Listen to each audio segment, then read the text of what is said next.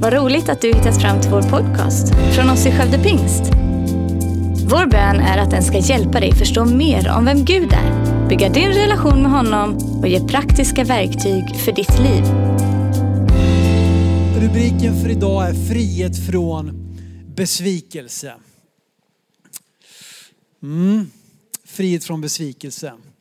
Ganska fort när det här ordet frihet kom så upplevde jag också just fyra stycken ämnen som jag tror att Gud vill jobba med oss. Där vi kanske känner igen oss olika mycket olika söndagar. Ehm, och vi har talat om frihet från synd, frihet från ditt förflutna, frihet från ångest. Och idag ska vi tala om frihet från besvikelse. Jag ska börja med att läsa från Jobs bok kapitel 10. Jobs bok kapitel 10 och vers 1. Jobb hade en tuff situation. Han, eh, han hade egentligen allt. Han var rik, han var framgångsrik, han hade en fin familj, han hade allt han behövde. Och sen genom en väldigt prö tuffa prövningar så blev han av med egentligen precis allting. Han blev av med alla sina ägodelar, han drabbades av sjukdom, han var med om så mycket tuffa saker. Och sen så följer typ 30 kapitel av samtal mellan Jobb och hans vänner. De försöker reda ut vad är orsaken till det här och hur kan det vara så här och hur kan Gud tillåta det här? Och, och så vänder de och vrider utifrån lite olika perspektiv. Och det här utbrister Jobb i kapitel 10, vers 1. Han säger, jag är trött på livet. Jag vill släppa fram min klagan. Jag talar i min själs bitterhet uppmuntrande start idag på predikan. Men jag tror att vi kan känna igen oss. Kanske du gör det just nu. Du kanske säger precis som jag, jag är trött på livet. Jag vill släppa fram min klagan. Om det är någonting vi svenskar kan så är det kanske att klaga. Ehm, men helt klart är det så att livet är fullt av besvikelser. Så gott som varje vecka möter vi besvikelser.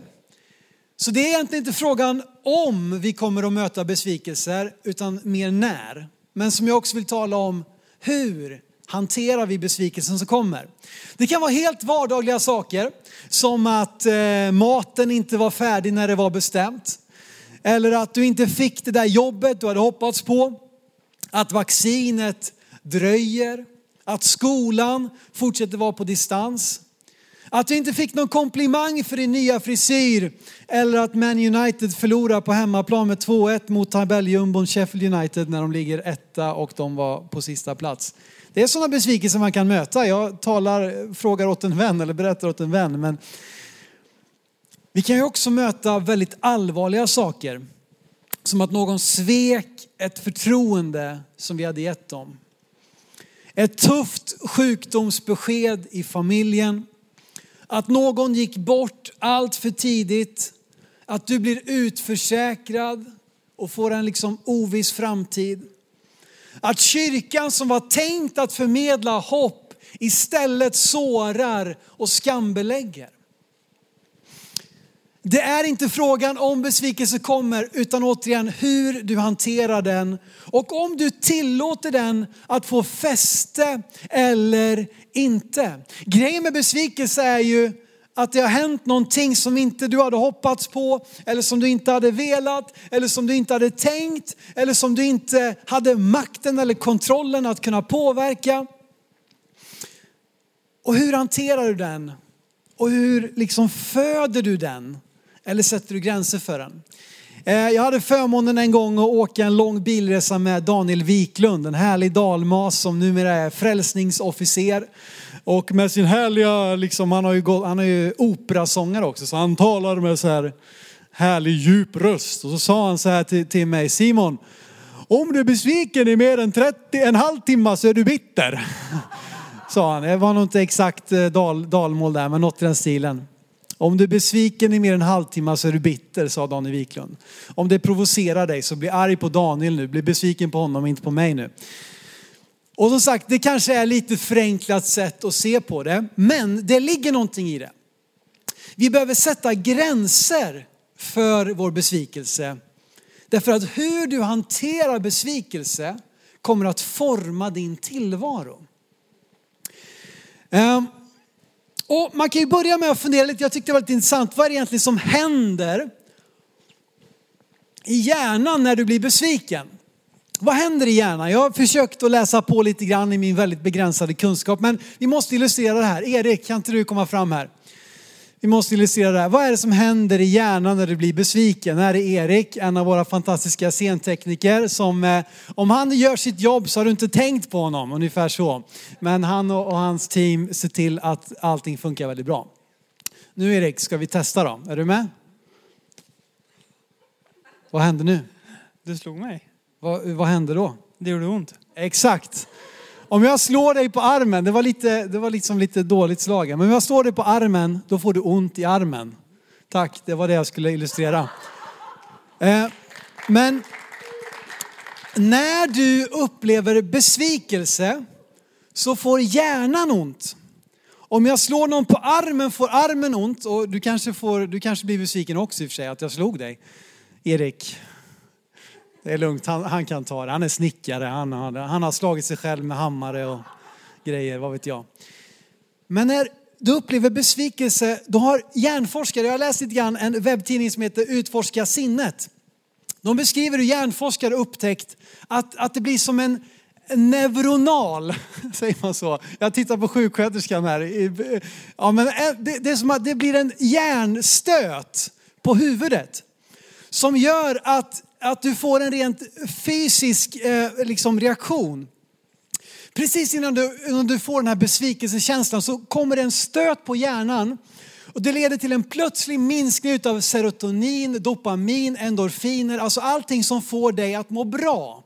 Det är liksom bara droppar i, eh, i, eh, ja, i, sina mängder. Och det betyder att alla de molekyler som styr din hjärnas välmående helt plötsligt lämnar liksom, eller minskar kraftigt, vilket gör då att du kan få en rent fysisk reaktion av att känna dig trött, tung, avdomnad och rent av kan du få liksom huvudvärk eller muskelsmärtor utav liksom en, en hjärnstöt. Och vad besvikelse gör att det går rakt på känslodelen av hjärnan, det så kallade limbiska systemet. Eh, och det tänker inte rationellt. Det, tänker liksom, det, det är känslocentrat i hjärnan. Eh, och det gör att, att det går rakt in på dina känslor eh, och sårar dig. Och, och sen så om vi låter den bara finnas kvar där och frodas i känslodelen så är det väldigt lätt att vi bygger upp och vi förstärker och vi befäster känslan av att vara besvikna. Och sen växer det och växer tills det helt har blivit bortom all kontroll i stort sett. Ett sätt att kunna komma till rätta med känslorna är att rikta om dem från ditt känslocentra till mer rationella delar av hjärnan eh, som tänker mer logiskt. Och det kan du göra genom att analysera din besvikelse. Så nästa gång du upplever besvikelse, istället för att bara låta känslorna skena, så börja fundera kring varför känner jag mig besviken? Vad är orsaken till att den här personen gjorde eller sa som den sa eller gjorde?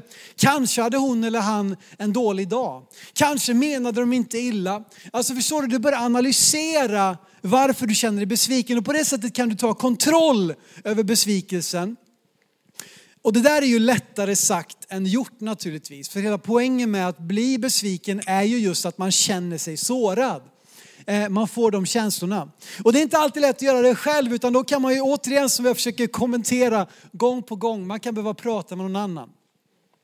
Eh, jag hade förmånen här att jobba tillsammans med, med Sven Bengtsson här eh, under, som var pastor här före, före mig och, och Karo här. Och i, vad blev det, åtta års tid eller någonting.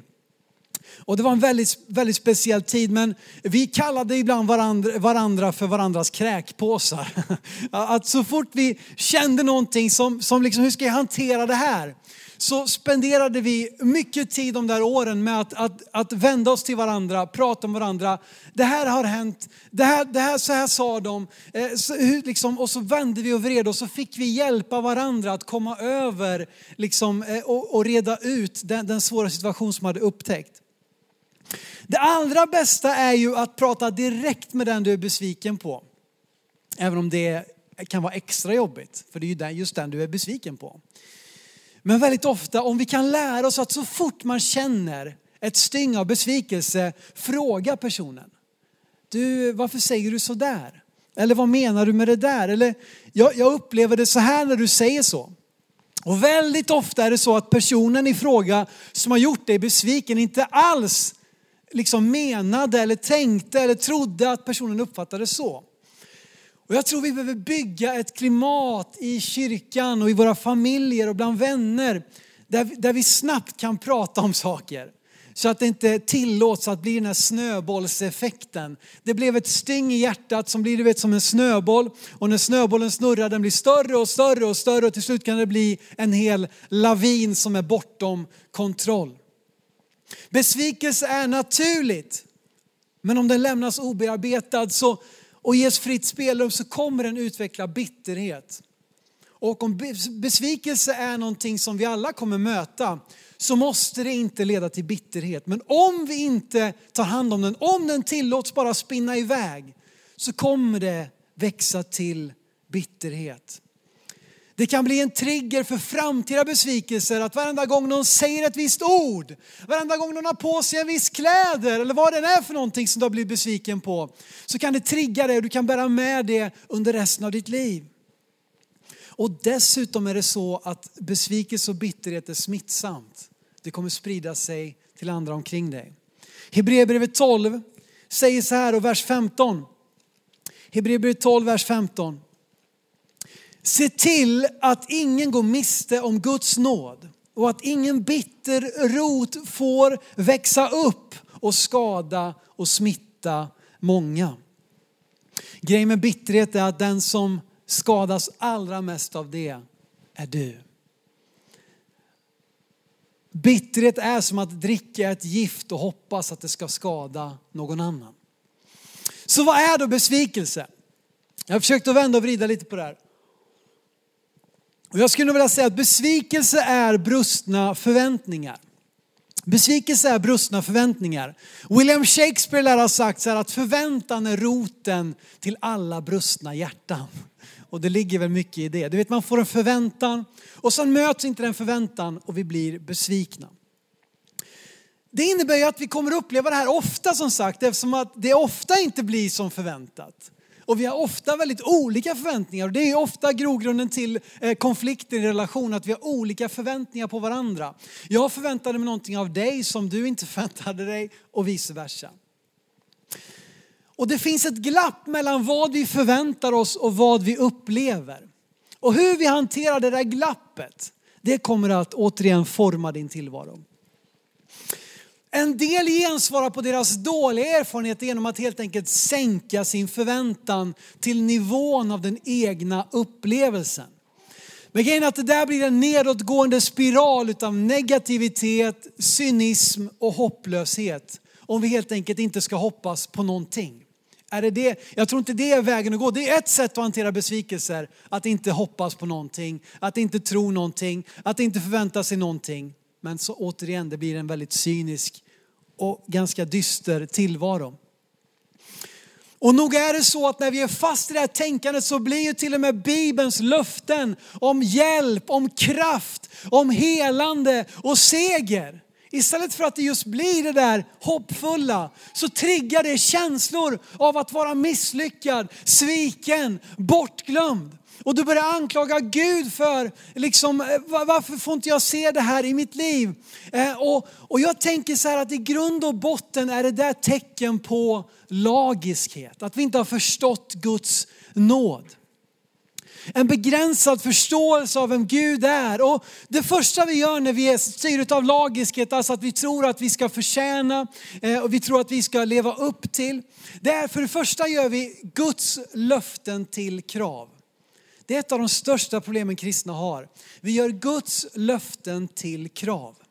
Gör du det så kommer det leda till en rad saker. Dels kommer det göra så här att, att du kommer ha lättare för att döma människor som sviker dig. Eftersom de inte lever upp till det krav som du har på dig själv utifrån din förståelse att du ska behaga Gud. Och då kommer du bli besviken på dem för att inte heller de lever upp till de krav och de förväntningarna som du har som du tror att Gud har på dig och därmed också på dem. Det kommer leda till att du dömer dig själv eftersom att du inte ser Guds löften fullbordas i alla situationer i ditt liv. Och då kommer du anklaga dig själv. Jag har för lite tro, jag har bett för lite, Jaha, jag missade fastan, jag har inte gått i kyrkan på länge, jag har inte gett tionde. Och så allt det här, det blir bara måsten, krav och lagiskhet och vi dömer oss själva. Och till slut så kan det leda till att vi till och med dömer Gud som ju inte håller vad han lovar. Men vad är det vi måste få på plats innan någonting annat? Vad är det viktigaste att förstå när det kommer till eh, det, det, det kristna budskapet, evangeliet, de goda nyheterna om Jesus Kristus? Vad är det absolut viktigaste att förstå? Det är nåden. Det finns ingenting som är viktigare för dig att få tag om än Guds nåd. Efesierbrevet 2 utvecklar det här eh, och har gett upphov till det som Martin Luther bland annat formulerade. Han tar nåden alena. Nåden alena, endast nåden. Och jag ska läsa ifrån eh, Svenska kärnbibeln som, som är en lite expanderad bibelöversättning ifrån Efesierbrevet 2, vers 8-9. Det står så här, det är genom nåd, vilket är Guds kraft och oförtjänta favör, som ni är frälsta, alltså räddade från domen genom tro. Frälsningen kommer inte från er själva, den är en gåva från Gud. Den kommer inte från gärningar, alltså goda handlingar och eget arbete. Och för att ingen ska kunna skryta eller bli högfärdig. Alltså det är inte ett resultat av vad någon någonsin kan göra, så ingen kan själv ta äran för detta. Jag hoppas du börjar förstå vad nåden är. Om du får en rätt bild av nåden, om du är rotad i nåden, då kommer Guds löften inte framstå som krav, utan tvärtom som hopp, som tro. Och det kommer leda till att vi förlåter de människor som har svikit oss, då vi inser att deras brist också behöver mötas av Guds nåd. Jag är beroende av Guds nåd. Det betyder att den personen som har svikit mig är precis lika beroende av Guds nåd. Så vem är jag att döma? Vem är jag att hålla fast vid besvikelsen? Vi kommer se på oss själva med Guds kärleksfulla ögon och slår inte ner på våra brister. Vi kommer tacka Gud för att oavsett hur mörk vår situation är så finns det hopp om en ljusare morgondag. Min vän, vägen till att aldrig uppleva besvikelse är inte att sätta dina förväntningar på noll, att sänka din tro till noll. Men det är att, att rikta din förväntan mot Gud först och främst och inte mot andra människor. Varje människa kommer, eller människor kommer förr eller senare att svika dig. Men Gud har lovat att vara med. Han är trofast. Så besvikelse är brustna förväntningar. Vad är besvikelse mer? Jo, besvikelse är visionens kryptonit. kryptonit kanske behöver lite förstå, för, förklaring, men ni kanske har sett Superman, Stålmannen, som, som kan allt. Han är starkast, han kan flyga, han kan se genom väggar. Han, det finns ingenting som Stålmannen inte kan göra. Men om man kommer i närheten av kryptonit, då försvagas alla hans superkrafter och han blir som vilken liksom, hjälplöst barn som helst. Besvikelse är visionens kryptonit. Visionen, alltså det Gud har lagt i våra liv, drömmar och längtan eh, som Gud har, har, har deponerat. Vet, Gud har goda tankar för oss. Gud har goda tankar för vår kyrka. Gud har goda tankar för din familj, för vår stad, för vår region, för vårt land.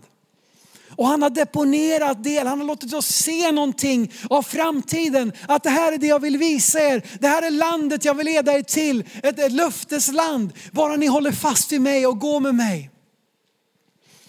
Det största hindret för de drömmar och längtan Gud har lagt i ditt hjärta är besvikelse.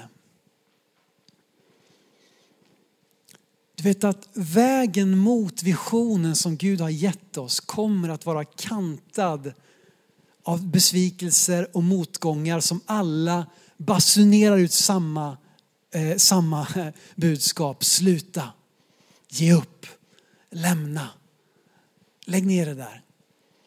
Det kommer komma besvikelser längs vägen. Motgångar, tillfällen att ge upp. Josef i gamla testamentet är det bästa exemplet på det. Vi hinner inte ta hela Josefs story men när han var tonåring så fick han en otrolig dröm eller flera drömmar egentligen. om hur Gud skulle upphöja honom så att till och med hans egen familj, hans egna föräldrar skulle komma och falla ner på knä inför, inför Josef. Han som var den yngsta sonen utav elva bröder. Det är ingen bra grej att berätta den storyn, den drömmen för sin familj. Han gjorde det i sin ungdomliga ovisshet och de blev bittra, de blev avundsjuka, de blev arga och det slutar med att han då som hade den här mäktiga drömmen, hans kaxighet eller hans ovisshet eller både och eller hur det nu är. Leder till att han får gå en väg kantad av de största svek och motgångar som en människa någonsin skulle kunna uppleva. Han blir såld av sina egna bröder som slav till Egypten. Där när han äntligen börjat få liksom, eh, bli upphöjd så eh, blir han anklagad för våldtäkt, felaktigt. Och han blir slängd i fängelse. Där i fängelset blir han bortglömd av de personer som skulle kunna hjälpt honom till frihet. Och till slut, efter 13 år utav konstanta motgångar, men som Josef inte har låtit slå ner honom, så kommer Guds dröm att gå i uppfyllelse. När Josef blir upphöjd och han blir Egyptens näst mäktigaste man och tack vare den visdom som Gud har lagt i honom, den favör han får inför farao, så kan han vara med och stoppa en svältkatastrof för hela landet, ja hela regionen och, hör och häpna, hans egna bröder kommer till honom ovetande att det är han och faller ner på sina knän för att få om möjligt köpa sig lite mat så att de inte ska gå under. Den dröm som Gud gav Josef när han var 17 år, den går i uppfyllelse först 13 år senare och, och eh, en bra bit senare då möter han sina bröder. Jo, ursäkta, jag fick en groda i halsen, besvikelse på min röst här. Men det här ska ingen bitterot få. Det, ett glas vatten kan också hjälpa från att bli fast i besvikelse. Josef hade otaliga tillfällen att ge upp. De motgångar som han mötte hade förmodligen fått de flesta av oss att helt enkelt lägga ner. Att sluta, att bli arga, att anklaga Gud, att anklaga bröderna, att anklaga sina föräldrar, att anklaga Potifar, att anklaga hans hustru, att anklaga liksom allihopa. Men Josef höll sig hela tiden nära Gud. Han vägrade ge upp om den dröm som Gud hade lagt i hans liv. Jag undrar hur många Josefar Josefar, det var något nytt. Josefs, hur många Josefs finns det inte i våra led, i våra kyrkor, i vårt land som har gett upp i gropen, som har gett upp i slavkaravanen, som har gett upp efter de falska anklagelserna, som har gett upp i fängelset och tillåtit motgången att och besvikelsen att växa till bitterhet och hindra den vision som Gud hade lagt i deras hjärtan. Vi får inte tillåta besvikelse att grusa visionen och lamslå Guds församling där varje lem behövs, där varje medlem behövs, där varje människa har ett unikt bidrag för att Guds vision ska kunna gå i uppfyllelse. Hur ska vi då göra? Vad är vägen framåt? Hur kan jag hantera och komma loss ur besvikelse? Ja, jag vill ge dig två enkla uppmaningar. Jag är ingen psykoterapeut. Jag kan inte hjälpa dig på det sätt som säkert många andra professionella liksom, eh, eh psykologer och allt möjligt kan hjälpa dig. Men jag kan ge dig två uppmaningar som jag tror kan hjälpa dig. Det första är fokusera framåt. Fokusera framåt. I Filipperbrevet 3, vers 13-14 så säger Paulus så här. Jag menar inte att jag har gripit det än, men ett gör jag. Jag glömmer det som ligger bakom och sträcker mig mot det som ligger framför och jagar mot målet, mot visionen för att vinna segerpriset, Guds kallelse till himlen i Kristus Jesus. Vet du vad, det kommer till en punkt där vi helt enkelt behöver dra ett streck i sanden. Där vi helt enkelt behöver säga okej, okay, vi redde inte ut det här. Saker har hänt, eh, liksom orättvisor har skett. Men nu får vi lämna det bakom oss och ta ett kliv framåt och fokusera framåt. Vet du vad, en sliten bild kanske, men det finns en anledning till att din bil har en jättestor framruta och en liten, liten backspegel. Om du lever ditt liv i det förflutna så kommer du antingen att krascha eller så kommer du att stå still. Om du lever ditt liv, om du kör din bil och bara tittar i den där lilla, lilla backspegeln så kommer du fastna. Du kommer inte komma framåt, du kommer inte se vad som finns framför dig. Om den däremot kan användas på det sätt den har tänkt, då kan den hjälpa oss på, på en säker väg framåt. Jag menar inte att vi inte ska analysera, att vi inte ska samtala. Jag är för allt det. Men vi får inte fastna i det. Det måste finnas en, en, en, liksom en proportion eh, kontra hur mycket vi är fast och gräver i det som en gång var mot hur mycket vi ger oss efter det som ligger framför. Det finns få saker som är så sorgligt som människor som lever till största del i det förflutna. Paulus gjorde ett aktivt val, för det här är val du och jag får fatta. Paulus gjorde ett aktivt val att glömma det som varit för att gå efter målet. Det smärtar i mig när jag tänker på hur många människor, och inte minst hur många kristna, som har tillåtit besvikelser som ligger i det förflutna att helt enkelt liksom förlama deras handlingskraft. Som har låtit dem att lämna, liksom, helt enkelt bara stanna upp. Att sluta tjäna, att sluta fira gudstjänst, att sluta be. Och jag menar inte att ta lätt på den besvikelse du har mött i ditt liv. Det är verkligen inte det jag säger. Men vi har inte lyxen att leva om våra liv. Vi har bara valet att vad ska vi göra här och nu och vad ska vi göra med det som ligger framför. Med det sagt vill jag ta tillfället i akt att be om förlåtelse om det är någonting i mitt ledarskap, i min förkunnelse, mitt handlande som har sårat dig. Som har gjort dig besviken. Om det är någonting i vårt kollektiva ledarskap som har gjort att du känner dig åsidosatt. Jag vill be om förlåtelse för om du har upplevt det på det sättet. Det är helt klart så att tider av förändring är tider som är otroligt känsliga för besvikelser. Just för att vi har så olika förväntningar på vad det är för framtid vi egentligen är på väg mot. För vi vet ju inte det. Det är ingen som vet exakt vad som kommer ske. Men jag är stolt och jag är tacksam över den väg vi slagit in på som församling.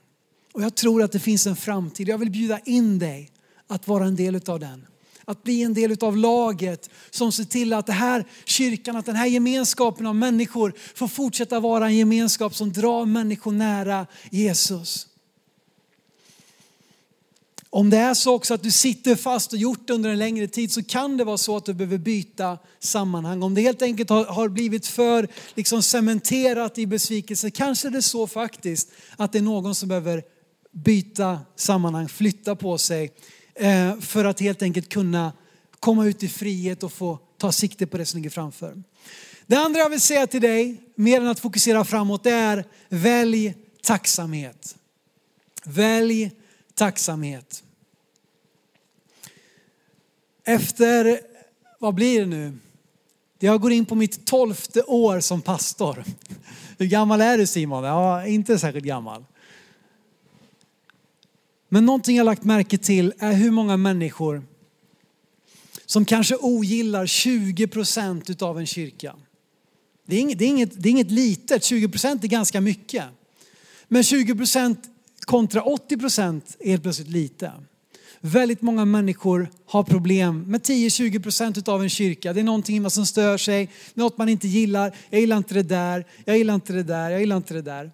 Men de här 80 procenten är bra. Och det är tragiskt att se faktiskt hur många som helt enkelt lämnar eller som helt enkelt stannar eller som helt enkelt fastnar för att man väljer de 20 procenten över de 80. Jag vill säga till dig, om du hittar en kyrka där du är 100 procent nöjd med allting, då är det förmodligen bara du som är med i den. Och risken är att vi aldrig kommer komma till den där perfekta kyrkan. Jag vill säga till er, nöj dig med de 80 procenten. Nöj dig med att vara 80 eller 75 procent. Alltså, så länge du är på majoritet så gå framåt. Och välj tacksamhet. Välj tacksamhet. Välj tacksamhet. Jag satt ner tidigare i höstas med Marie Nylén Utbult som en del av er känner till. Hon var tidigare gift med Lasse och han gick bort alldeles för tidigt Lasse. Hon blev änka. Sen mötte hon Roland, Roland Utbult som också hade blivit enkeman. Också en, en fru som hade dött alldeles för tidigt. Och det som förde dem samman och det som de hittade en gemensam nämnare var att de båda hade sagt till sig själva i den situation som var, där man förlorar sin livspartner, så hade de båda sagt till, till sig själva, oberoende av varandra, jag ska välja tacksamhet. Jag ska välja tacksamhet. Tacksamhet för de år vi fick tillsammans över de år vi blev eh, liksom rånade på.